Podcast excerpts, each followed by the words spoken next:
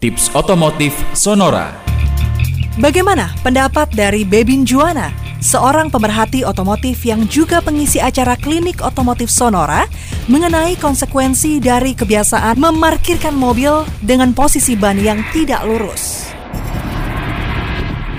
parkir bannya tidak lurus. Di beberapa kasus kita dipaksa untuk menekuk status posisi dari ban terhadap trotoar.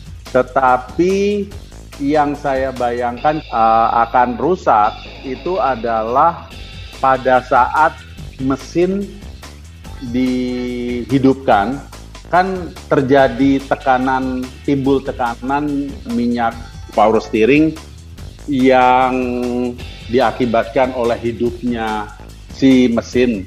Nah, rasanya sih itu hentakan atau tekanan mendadak itu yang karena posisinya tidak netral power steering itu yang akan mungkin melemahkan sealnya. Tips ini dipersembahkan oleh Sonora FM 92 Jakarta. News, Traffic, and Music.